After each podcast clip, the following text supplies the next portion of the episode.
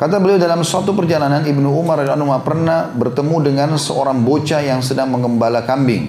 Lalu beliau berkata kepadanya, "Bisakah kamu menjual satu ekor kambing kepadaku?" Maka dia menjawab, "Ini bukan milikku. Anak ini masih kecil, masih 10 11 tahun." Beliau berkata, "Katakan kepada pemiliknya bahwa kambing tersebut diterkam serigala." Maka anak itu menjawab, "Kalau begitu di manakah Allah?" Ibnu Umar setelah itu sering mengulang-ulangi ucapan di manakah Allah. Ibnu Umar sahabat Nabi yang mulia belajar dari anak kecil itu.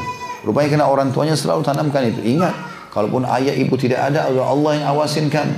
Itu yang saya terapkan dalam rumah. Coba saya terapkan. Semoga Allah berhasilkan. Maka saya bilang sama anak-anak begitu. Takut sama Allah. Allah marah loh nak. Jadi selalu begitu. Bukan saya bilang saya marah. Atau saya bilang ibunya marah. Itu enggak. Kecuali kalau mereka cuma minta izin mau keluar, oke. Tapi kalau enggak, maka tidak boleh kita tanamkan ketakutan yang seperti itu.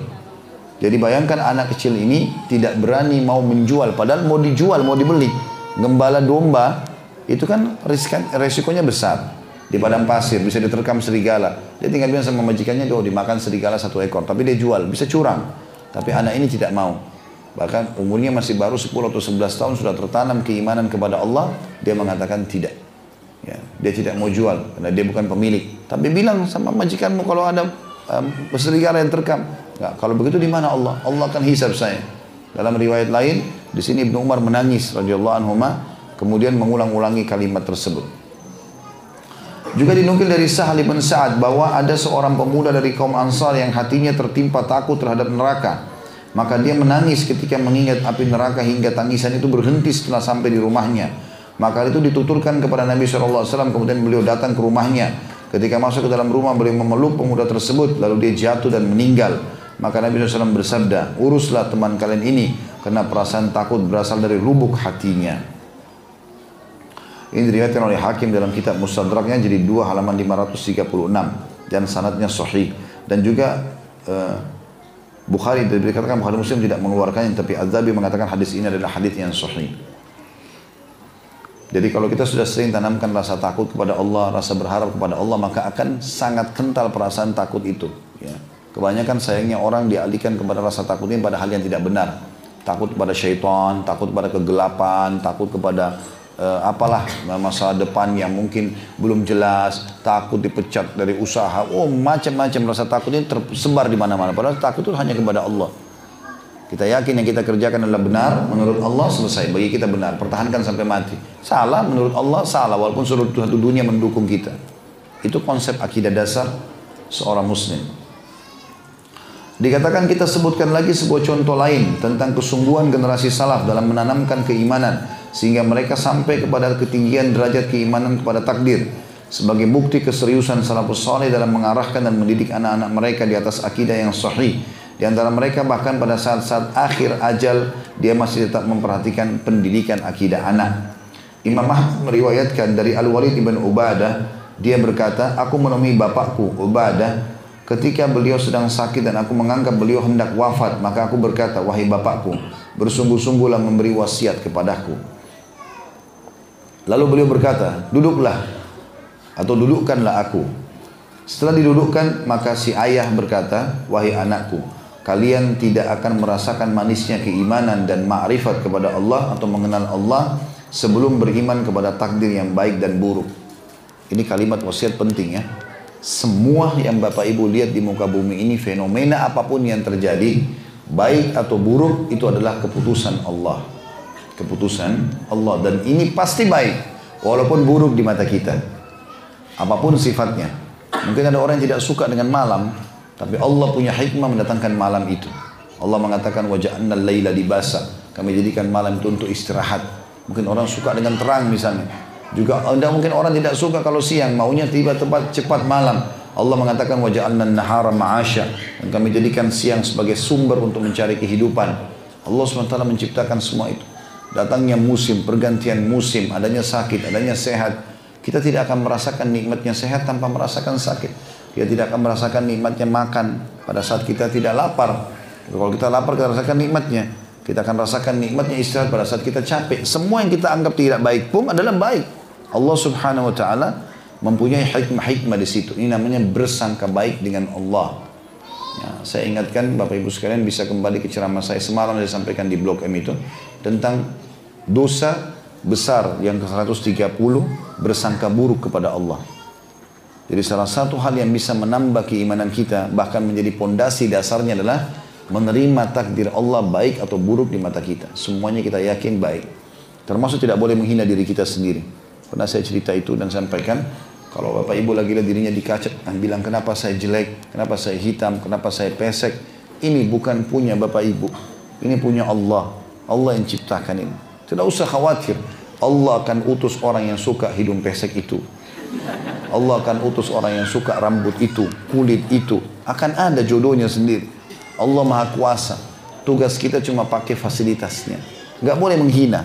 Allah pasti punya hikmah yang sangat besar mengetahui kenapa itu dipilih. Kenapa itu yang Allah kasih. Kenapa alis saya begini, kenapa muka saya begini, kenapa rambut saya begini. Allah lebih tahu. Tidak usah cerewet dengan masalah itu. Kita lahir sudah begitu kan? Ya sudah.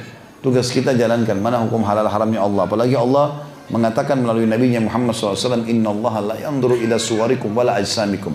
Allah nggak pernah perlu melihat wajah dan juga postur tubuh kalian. Maaf.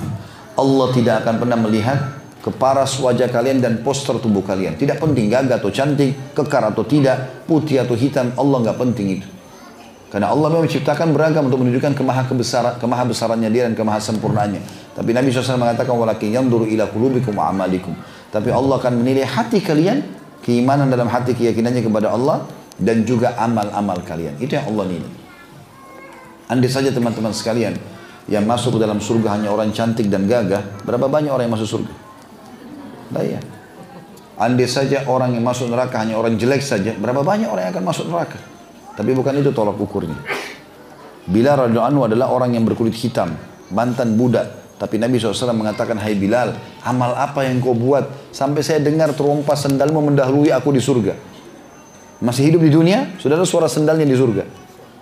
Maka Bilal sambil menangis mengatakan, Ya Rasulullah, saya hanya, setahu saya, saya cuma setiap kali habis bersuci wudhu, saya selalu sholat dua rakaat. Maka keluarlah sholat sunnah wudhu. Karena Bilal orang yang biasa. Secara fisik ya. Begitu juga dengan sahabat Nabi uh, yang mulia uh, subhanallah saya lupa namanya fisiknya sangat kecil tampangnya juga dianggap sangat kurang begitu gambarannya lah ya tidak ada tampannya gitu Nabi SAW melamarkan seorang wanita yang mulia, cantik, pintar, beriman di Madinah. Waktu Nabi SAW datang ke rumah wanita itu, dia mengatakan saya pengen, saya punya hajat. Julaibib eh, namanya kalau sana. Ya. Eh, saya punya hajat dengan anak perempuan kalian. Mereka kira Nabi yang mau melamar. Maka mereka mengatakan kalau untuk anda silakan ya Rasulullah. Kata Nabi SAW bukan, buat fulan. Maka mereka tahu kekurangan fisiknya. Maka kedua orang tuanya mengatakan kalau untuk fulan kami masih ragu ya Rasulullah. Kami harus tanya kepada anak kami dulu. Maka anak yang dari dalam kena keimanannya mengatakan, wahai ibu ayahku jangan tolak lamaran Nabi SAW. Maka mereka menikah dan bahagia, padahal punya kekurangan fisik laki-laki itu.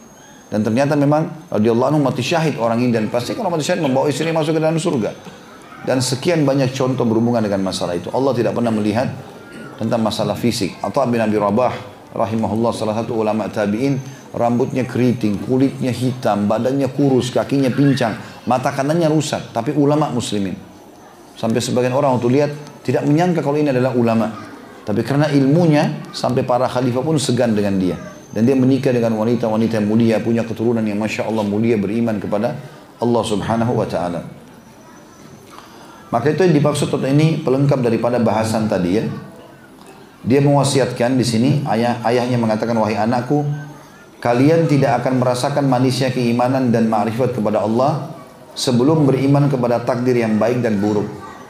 Aku berkata, kata anaknya, wahai bapakku, bagaimana aku bisa membedakan antara takdir yang baik dan buruk?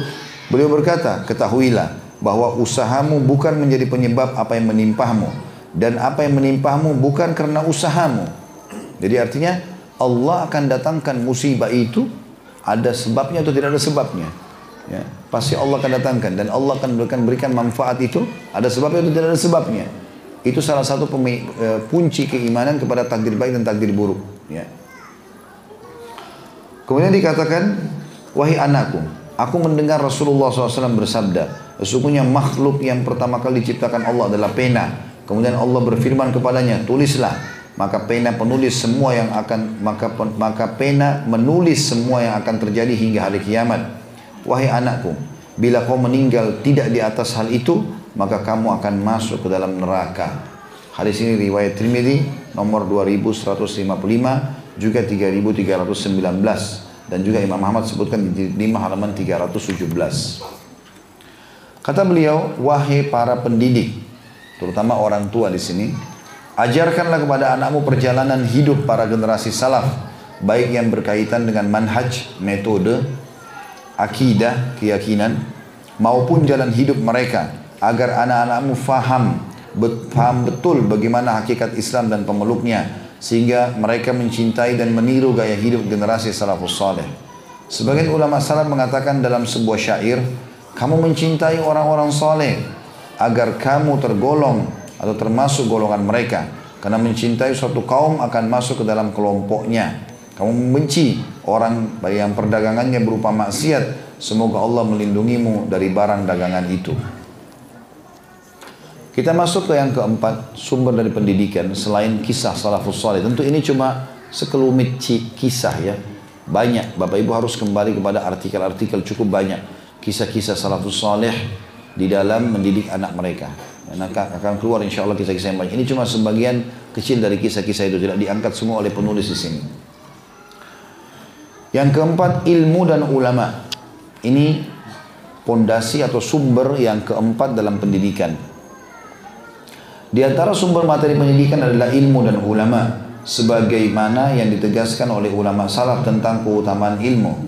Muadz bin Jabal radhiyallahu berkata, "Belajarlah sebab mencari ilmu adalah suatu kebaikan dan bagian dari ibadah." Menuntut ilmu seperti ini ini bukan pilihan tapi kewajiban ya. Serta mendakwakannya kepada yang lain merupakan bagian takarrub. Takarrub artinya mendekatkan diri kepada Allah, pendekatan diri kepada Allah. Ilmu merupakan menara jalan para calon penghuni surga, taman di kala kesepian, pendamping dalam pengasingan, teman bersanding di kala berduaan, petunjuk pada saat bahagia dan gundah, dan penjaga ketika sepi, serta senjata ampuh untuk melawan musuh. Allah mengangkat suatu kaum dengan ilmu tersebut hingga menjadi panutan dan perbuatan mereka diikuti. Ilmu adalah sumber kehidupan hati dari kebodohan, lampu penerang bagi jalan kehidupan dari kegelapan, dan sumber kekuatan tubuh dari kelemahan serta sebagai pengantar seorang hamba menuju pintu gerbang kemuliaan di dunia dan di akhirat berpikir tentang ilmu sama dengan puasa mudzakarah sama dengan qiyamul lail dan ilmu sebagai sarana untuk menyambung silaturahim dan untuk mengenal halal dan haramnya. Saya pernah sampaikan kisah tentang Imam Syafi'i sama Imam Ahmad, guru sama murid. Masih ingat gak? Senyap. Allahu alam. Baiklah, sudah terbiasa dimanjakan. Saya ulangi lagi. Imam Ahmad pernah bertamu menjadi tamunya Imam Syafi'i satu waktu. Lalu Imam Syafi'i bilang sama anaknya, ini yang datang ini orang saleh. Belajar baik-baik dari dia. Karena Imam Ahmad ahli hadis, ulama besar. Dia kunjungi gurunya. Maka anaknya Imam Syafi'i tidur sekamar sama Imam Ahmad. Besok pagi, habis sholat subuh, anak Imam Syafi'i buru-buru datang ketemu ayahnya lalu mengatakan, Ayah, Anda mengatakan itu orang soleh. Tapi saya dalam satu malam saya sudah menemukan tiga kesalahannya. Kata ayah Imam Syafi'i, apa kesalahannya? Selama ini Imam, Imam Syafi'i tahu yang Muhammad orang soleh gitu kan. Maka dia bilang yang pertama, dia tadi malam makan banyak sekali. Sementara makan banyak menumpulkan otak gitu. Dia makan secukupnya, tapi Imam Ahmad tadi malam makan banyak. Menurut anaknya Imam Syafi'i, banyak sekali makannya. Yang kedua, dia nggak sholat tahajud. Ciri ulama, orang soleh, saat tahajud ini nggak ada negosiasi lagi. Udah. Udah kerjain sama dia. Ini nggak sholat. Gitu kan. Dan yang ketiga, dia sholat subuh tanpa wudhu. Pergi masjid sholat tapi nggak wudhu. Maka Imam Syafi'i panggil Imam Ahmad. Sini sebentar. Ahmad anak saya bicara begini. Bagaimana kau menanggapi itu? Kata dia yang pertama, Kalau kenapa saya makan banyak? Karena makan dari makanan orang saleh itu kebaikan. Anda orang saleh, maka saya makan banyak. Kata Imam Ahmad. Karena orang soleh tidak akan cari pendapatan kecuali halal, itu kan? Maka saya makan karena itu rezeki halal. Saya tidak makan sebanyak seperti biasanya. Kata Imam Syafi'i padanya, dengar jawabannya. Artinya kalau di tempat orang soleh mau makan lebih silahkan. Tidak ada masalah. Selama masih ada itu. Kemudian yang kedua, kenapa nggak sholat malam? Kata Imam Ahmad, saya semalam sempat memikirkan hadis ya Nabi SAW lalu saya renungi untuk saya keluarkan 50 manfaat dari hadis itu. Dan menuntut ilmu lebih utama daripada sholat malam. Saya gara-gara pikirin ilmu itu, maka saya tidak sholat malam. Karena kalau saya, memang begitu teman-teman ya, kalau para ulama atau para penulis buku ya, itu kalau mereka duduk konsentrasi, maka biasanya poin-poinnya tersusun tuh. Dia kalau bergerak sedikit, aktivitas apa, makan. Kalau teman-teman lagi nulis, sibuk dengan makan, cemilan, ini segala macam, nggak nulis-nulis nanti. Maka salah satu ciri penuntut ilmu itu kalau duduk jangan fokus dia. Dia itu tidak boleh buyar, tidak boleh berdiri ke sana, kecuali darurat. Saya pernah tanya seorang teman saya penulis, nanti kita kembali kisah Imam Ahmad ya. Dia tulis karya tulisnya banyak sekali. Saya tanya, gimana caranya antum tulis?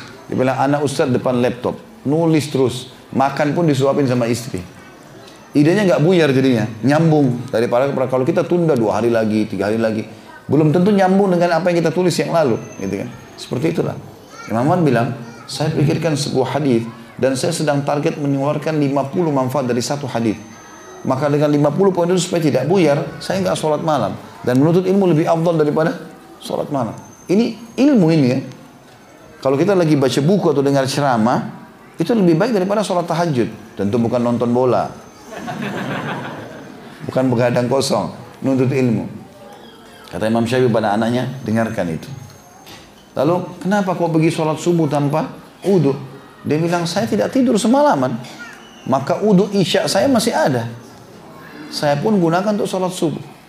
Dan hukum fikih memang begitu. Selama tidak batal, nggak usah udhu lagi kan gitu. Itu menandakan kemuliaan. Jadi seperti itu orang belajar dari kalangan salafus salih. Dan itu manfaatnya juga kalau kita dekat dengan orang-orang yang pintar berilmu. Pasti mereka punya alasan kenapa lakukan. Tidak mungkin sembarangan mereka melakukan itu. Karena mereka pasti punya landasan. Kenapa mereka lakukan. Kecuali kalau kita dulu sama awamnya manusia. Tidak paham ilmu agama itu berbeda. Tapi kalau kita dulu dengan para ulama. Sikapnya itu pasti ada alasan. Tidak mungkin tidak. Ya. Saya berapa kali duduk dengan para masyayikh. Dan saya sengaja gunakan kesempatan untuk itu. Mereka buat apa pun saya biarkan. Nanti terakhir baru saya tanya. Syekh, tadi saya lihat ada begini. Kenapa? Oh karena ada dalilnya seperti ini. Oh karena ada pendapat begini. Kita dapat ilmu, manfaat dari sikap mereka saja. Gitu kan? Bahkan kadang-kadang subhanallah saya banyak belajar dari akhlak mereka tanpa mereka ceritakan. Banyak guru-guru kami di Madinah saya belajar akhlak luar biasa. Bagaimana menjamu tamu, bagaimana mereka santun sama orang, bagaimana mereka merendahnya. Oh, tidak pernah membesar-besarkan dirinya dan sombong. Walaupun kita tahu ini orang yang sangat luar biasa. Secara ilmu kapabilitasnya sudah luar biasa gitu. Sudah jadi rujukan dunia. Tapi mereka merendah. Kita bisa ambil pelajaran dari orang-orang soleh ini. Saya ulangi kembali di sini. Di antara sumber materi pendidikan adalah ilmu dan ulama sebagaimana ditegaskan oleh ulama salaf tentang keilmuan atau keutamaan ilmu. Muadz bin Jabal berkata radhiyallahu anhu, "Belajarlah sebab mencari ilmu adalah suatu kebaikan dan bagian dari ibadah." Ini sudah kita baca tadi tapi kita rincikan ya. Belajarlah sebab mencari ilmu adalah satu kebaikan dan bagian dari ibadah. Bagian-bagian buku ini di garis bawahi kasih angka satu kecil di atasnya. Seperti ini wasiat yang pertama lah yang kita ambil daripada wasiat sahabat Nabi yang mulia ini. Belajar karena dengan ilmu itu kau akan pasti dapat kebagian dan akan dapat pahala. Kemudian yang kedua di garis bawahi kasih angka dua serta mendakwakannya kepada yang lain merupakan bagian takarrub mendekatkan diri kepada Allah. Yang ketiga, ilmu merupakan menarah jalan para calon penghuni surga. Karena ada hadis Nabi SAW yang berbunyi, siapa yang uh, jalan menuntut ilmu, maka Allah akan mudahkan menunya jalan, memudahkan untuknya jalan menuju ke surga. Dan ini sebuah keutamaan tersendiri. Karena dengan belajar ilmu, Bapak Ibu jadi tahu mana halal, mana haram. Dan kita jadikan panduan hidup. Meninggal masuk surga kan gitu.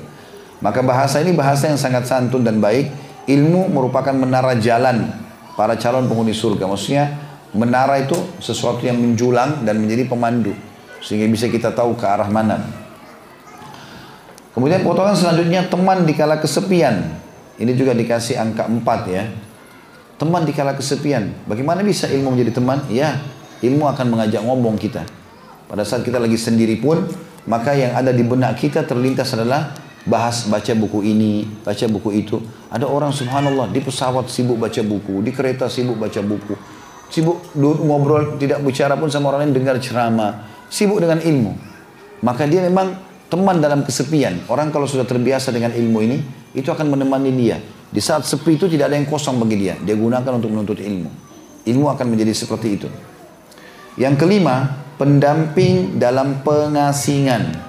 Kalau kita lagi safar pun, maka ilmu bisa menjadi pendamping buat kita. Dia akan selalu mengawasi kita. Dia akan selalu mendampingi kita. Yang keenam, teman bersanding di kala berduaan. Maksudnya kalau kita lagi berdua, ya maka yang ketiganya ilmu. Dia akan mengawasi kita. Ini boleh, ini tidak boleh. Yang ketujuh, petunjuk pada saat bahagia dan gundah. Jadi ilmu, kalau kita lagi bahagia dipandu sama dia, bersyukurlah. Kalau kita lagi gundah, maka dia suruh sabarlah, gitu kan. Yang kedelapan, penjaga ketika sepi. Ya. Karena dia selalu akan mengawasi kita. Yang kesembilan, senjata ampuh untuk melawan musuh. Ilmu akan memandu kita, ilmu agama. Ini musuh kalau kau bunuh, kau akan dapat pahala besar. Kalau kau terbunuh, kau akan mati syahid. Terus saja dia memotivasi kita dalam jiwa untuk melakukan yang terbaik untuk mengejar surga Allah Subhanahu wa taala. Lalu peringatan beliau yang luar biasa setelah itu. Tadi itu yang ke-8 ya. Yang ke-9 tadi. Senjata ampuh melawan musuh ya. Yang ke-10 Allah mengangkat satu kaum dengan ilmu tersebut hingga menjadi panutan dan perbuatan mereka diikuti. Jadi ada orang yang tadinya bodoh tidak faham tapi begitu belajar agama jadi faham maka Allah tinggikan derajatnya. Akhirnya orang pada berkumpul menghadiri pengajiannya segala macam. Pernah terjadi di zaman salah satu khalifah di Irak ya. Waktu itu khalifahnya terkenal sekali dengan eh, dengan kekuatannya, dengan militernya, dengan kerajaannya yang luas. Tapi kalau dia lewat, sedikit orang yang ikut, cuma pengawal-pengawalnya saja. Assalamualaikum. Untuk pemesanan paket umroh murah bisa menghubungi 0821 4196 0857 Kami ulangi sekali lagi untuk pemesanan paket umroh murah bisa menghubungi 0821 4196 0857 Sekali lagi 0821 4196 0857 Terima kasih. Masyarakat bahkan banyak yang menghindar Karena memang tidak bisa ketemu dan segala macam. Maka salah satu budaknya menggambarkan Dia bilang waktu itu saya lagi ada di atas jendela istananya khalifah Dan ternyata ada orang-orang yang sedang lari-lari Sampai debu berterbangan sendal mereka putus Lalu aku tanya ada apa mereka mengatakan datang Hasan Basri. Hasan Basri seorang ulama. Terus dia bilang, terus kenapa orang-orang pada lari? Karena mereka ingin melihatnya, mereka menuntut ilmu darinya. Maka kata budaknya khalifah, dia mengatakan demi Allah, inilah kerajaan yang sebenarnya. Ini kerajaan yang sebenarnya. Sesungguhnya khalifah untuk mengumpulkan orang maka dia butuh mengeluarkan uang. Sementara orang-orang yang menjadi penuntut atau orang-orang ulama ini, ya, orang-orang yang menjadi mandu, ini adalah malah didatangi dan dibiayai atau diberikan oleh orang-orang.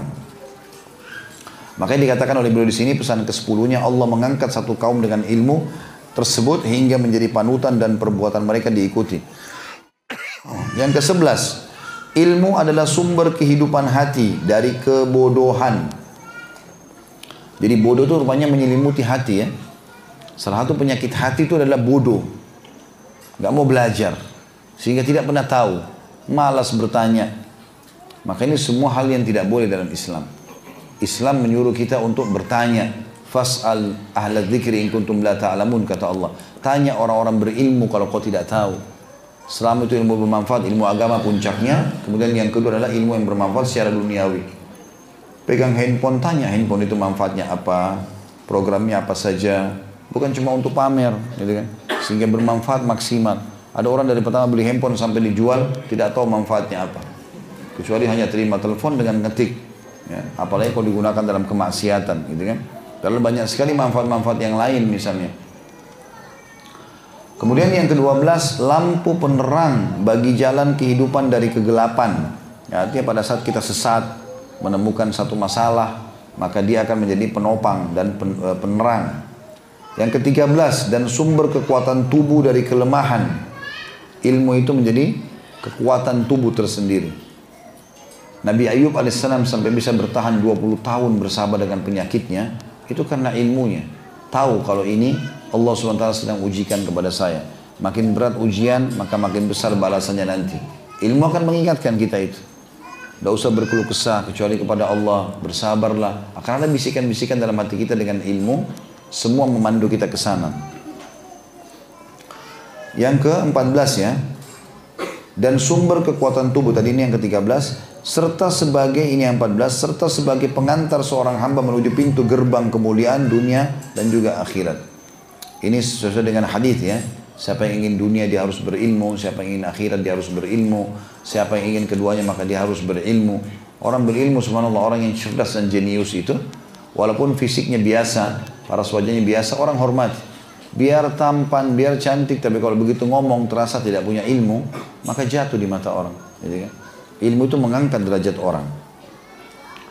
Kemudian beliau mengatakan pesan ke-15-nya, Berpikir tentang ilmu sama dengan puasa. Tadi saya sudah sampaikan kisah Imam Ahmad ini. Mudhakara, belajar, sama dengan qiyamul lail. Maka ilmu sebagai sarana untuk menyambung silaturahim dan untuk mengenali halal dan haram. Berarti di sini kita tulis poin nomor 15-nya tadi ya, berpikir. 14 atau 15? 15 itu berpikir tentang ilmu sama dengan puasa. Itu 15 berarti ya. 16-nya mudakara sama dengan qiyamul lail. Mudakara artinya mengulanginya ya. Jadi kayak dengar ceramah atau baca kembali bacaan. Kemudian yang selanjutnya yang ke 17 ilmu sebagai sarana untuk menyambung silaturahim. Kita tidak akan mungkin mau melanjutkan hubungan silaturahim dengan kerabat kita kecuali kita punya ilmunya. Oh ternyata meluaskan rezeki, menambah umur atau keberkahan umur ya. Dan yang terakhir adalah yang ke berapa ini 18 ya adalah untuk mengenal halal dan haram. Baik, penyair berkata, wahai pemuda, belajarlah selagi kayu masih basah, tanah masih gembur, serta tabiat masih gampang menerima. Ya kita kalau dari kecil belajar, lihat pohon enggak kalau masih kecil. Masih bisa dibentuk-bentuk ya. Kalau dia masih lentur. Tapi kapan dia sudah jadi pohon yang besar, susah, nggak bisa. Cuma bisa kalau kita melurusin cuma bisa dipotong ya atau dipatahkan atau dikikis, ada kerusakan terjadi.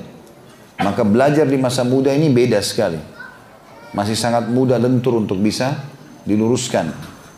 Ketahuilah, tiada manusia yang dilahirkan dalam keadaan pandai dan orang yang berilmu tidak seperti orang yang bodoh. Gak akan mungkin sama. Sungguh tokoh umat akan menjadi kecil dan rendah bila dia tidak punya ilmu ketika dia berkumpul dengan umat manusia. Ilmu merupakan harta simpanan yang paling mahal. Barang siapa belajar ilmu tidak akan kehilangan kewibawaan dan harga diri. Saya pernah jelaskan itu, ilmu tidak mengambil kapasitas apa pun di tubuh kita. Kalau kita duduk belajar begini dua jam, teman-teman, kepala kita jadi bengkak menjadi dua kali lipat. Kalau belajar lagi besok jadi tiga kali lipat, akhirnya kepala kita dalam 10 hari belajar 10 kali lipat, Mungkin susah kita belajar. Ini enggak.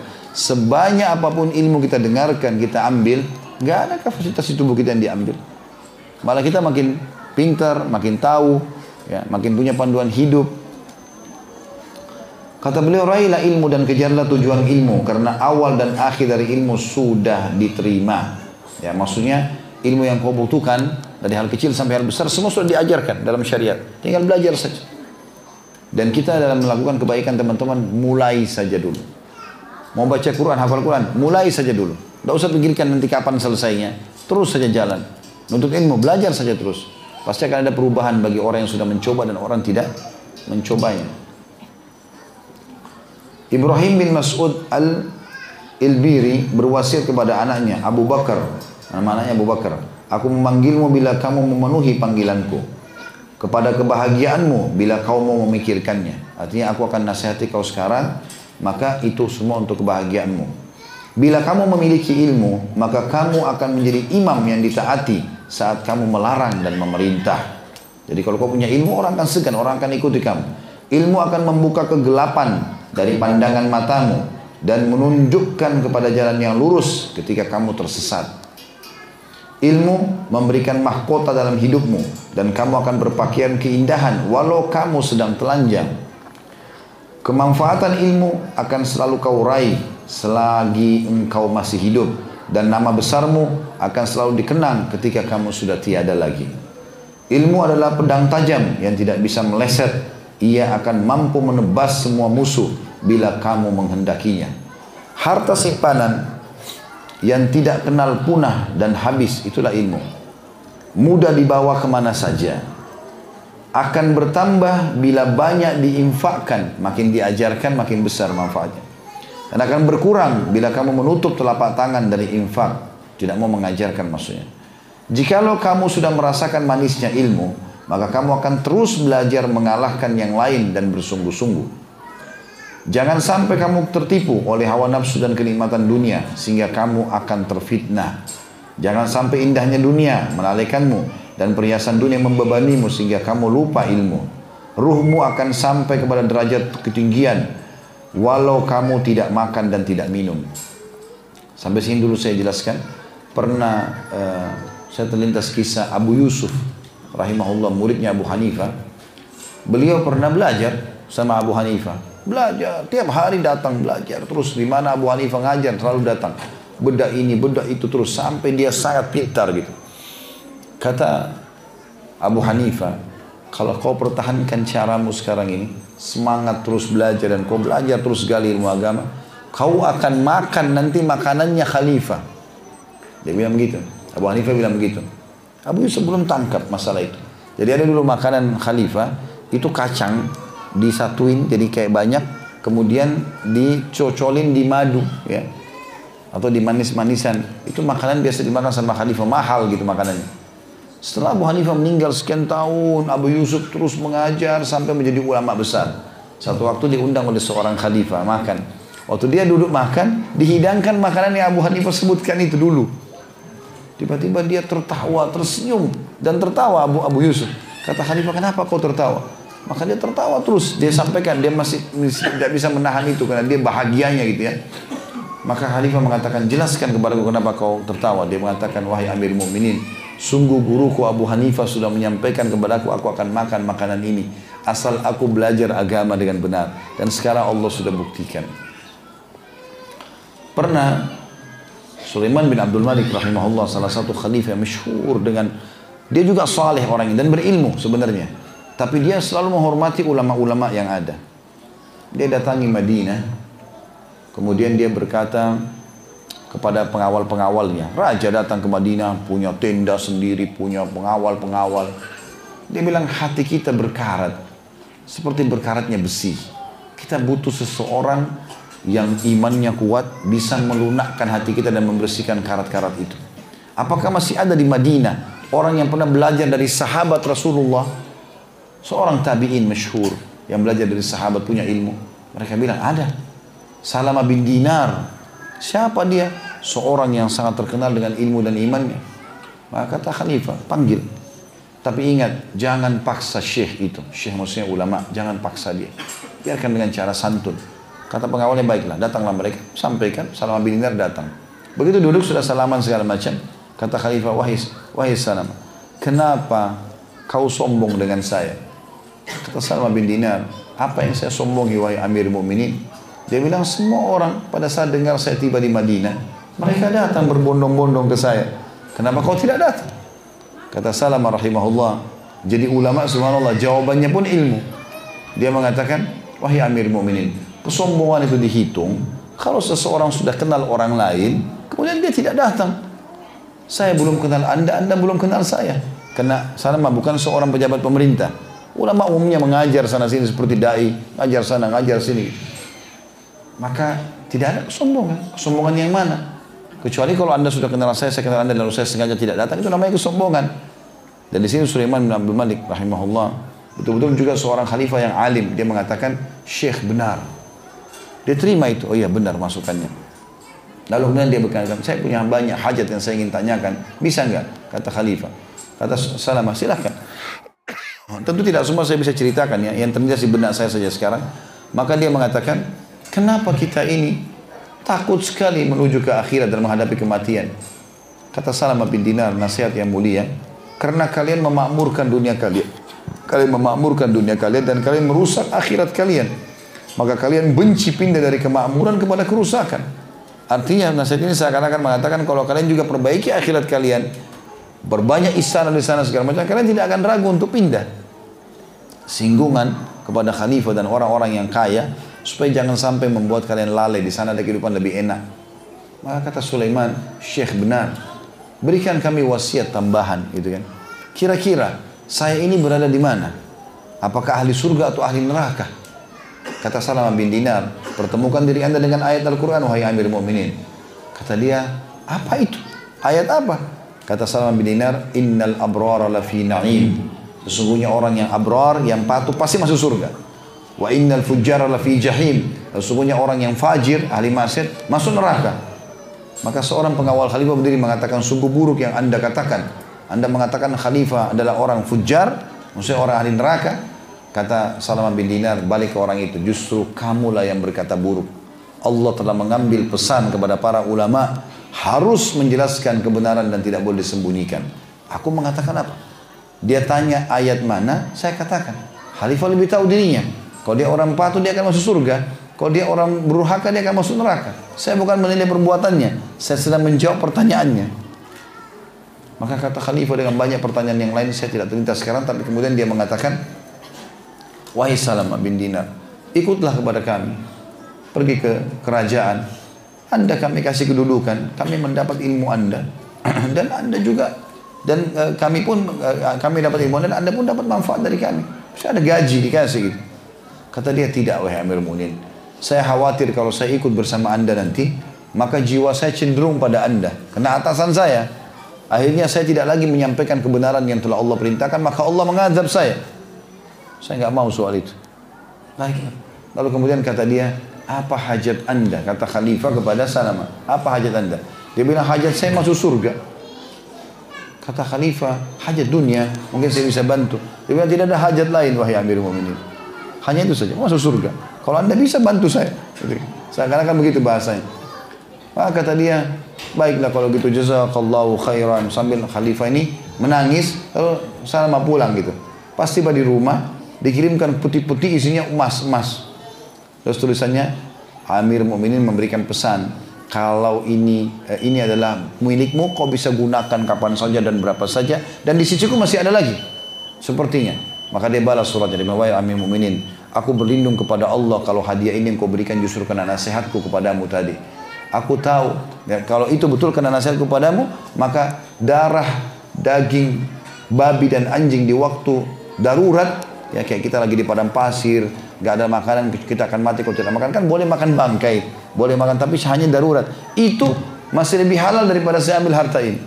Dan kalau seandainya bukan karena nasihatku maka apakah anda memberikan semua umat Islam pemberian yang sama? Lalu dikembalikanlah sama dia tersebut. Maka Khalifah pun mengatakan dia adalah orang saleh ulama yang rabbani ulama yang punya ilmu yang benar dan dia praktisi maka akan berbekas pada diri dan juga orang di sekitarnya. Dan tidak akan pernah ada pengaruhnya kalau selama dia tidak mempraktikkan masalah itu. Atta bin Abi Rabah juga rahimahullah seorang yang tadi saya bilang pincang kaki kanannya, mata kanannya buta, badannya kurus, orang yang kulit hitam. Pernah kejadian yang sama kepada khalifah ini juga. Pernah datang haji dan Sulaiman bin Malik mengeluarkan sebuah eh, mengeluarkan sebuah peraturan tidak boleh memberikan fatwa di Mekah di musim haji kecuali Atta bin Abi Rabah. Karena subhanallah ada ulama-ulama yang kadang-kadang salah tapi Atta tidak pernah salah. Dia keluarkan fatwa pasti benar. Seperti itulah. Maka cuma dia berikan fatwa. Dia punya tenda di Mina sama Arafah. Semua orang tahu di situ punyanya mufti. Jadi orang kalau tanya tanya ke sana. Datanglah khalifah ini. Setelah dia tiba tawaf di Mekah di Ka'bah, Dan dia pengen, dia bilang saya ingin menanyakan fatwa kepada mana syekh kalian. Kata pengawalnya ada di kemahnya. Datanglah khalifah dengan pengawal-pengawalnya. Begitu dia masuk ke kemah langsung salaman. Disambutlah sama Atta bin Abi Rabah gitu kan. Setelah salaman, duduklah kemudian ditanya oleh Atta bin Abi Rabah, Amir Mukminin, kenapa anda datang ke sini? Maka kata dia, saya punya pertanyaan. Kata Amir Mukminin, ini raja yang gaji dia. Saya punya pertanyaan. Kata Atta, berhubungan dengan anda pribadi atau berhubungan dengan pemerintahan? Kata dia, wah punya saya pribadi. Berhubungan dengan masalah haji apa? Saya mau tanya pribadi. Apa kata Atta bin Abi Rabah? Ini membuat seluruh pengawal khalifah marah dan kaget. Dia mengatakan, wahai Amir Mukminin, kalau begitu silakan anda keluar dari kemah dan antri. Dia bilang sama atasannya raja ini, silakan anda keluar dan antri di luar. Sesungguhnya orang-orang yang sedang antri ini sama dengan anda muslimin. Dan di tempat ini tidak ada bedanya antara raja sama sama masyarakat biasa. Kecuali kalau anda punya hajat pemerintahan, saya akan dahulukan anda. Maka semua pengawal marah pada saat itu. Bagaimana bisa khalifah dibeginikan? Orang tidak usah itu ketua yayasan aja datang kita dahulukan atau siapa kan dahulukan tokoh masyarakat ini raja dan pada saat itu menguasai setengah dunia. Maka tidak ada yang berani bicara karena khalifah tidak bicara. Yang uniknya khalifah karena imannya juga dia punya ilmu dia datang antri ke belakang. Antri dan Atta bin Abi Rabah jawab orang tanpa melihat ada khalifah di belakang. Sudah selesai, pindah yang satu. Sampai tiba gira khalifah. Setelah selesai, dia tanya pun, dia jawab semua, pulanglah khalifah. Begitu tiba di kemahnya, dia kumpulin semua anak-anaknya, keluarga-keluarganya yang hadir, pengawal-pengawalnya. Dia bilang, saya tahu kalian pegel nih. Kata khalifah. Apa yang kalian sudah lihat, saya tahu. Saya pun merasakan itu. Tapi ketahuilah wahai anak-anakku, dia panggil semua anak-anaknya, kerabatnya pun pengawalnya, dikatakan wahai anak-anakku, belajarlah ilmu agama. Karena saya tidak diperlakukan seperti itu kecuali karena dia punya ilmu yang lebih daripada saya. Ilmu itu akan membuat orang termuliakan gitu. Jadi bahkan dia mengatakan bahkan ilmu itu bisa membuat orang-orang itu mengalahkan kursi-kursinya para khalifah. Jadi kursi kami tidak nilainya dengan ilmu mereka yang luas. Jadi itu luar biasa manfaatnya. Saya baca di sini kita tutup dengan ini ya. Karena ini masih cukup panjang sebenarnya, sudah masuk waktu juga. Baik, saya bacakan mungkin tinggal dua lagi atau satu ini ya. Tetaplah istiqomah dan ambillah sikap kesungguhan, maksudnya dalam menuntut ilmu. Sebab bila Allah memberimu ilmu, kamu akan merasakan manfaatnya. Ya. Allahu a'lam. Itu saja. Subhanakallahumma bihamdika. Asyhadu an la ilaha illa anta astaghfiruka wa atubu ilaik. Wassalamualaikum warahmatullahi wabarakatuh.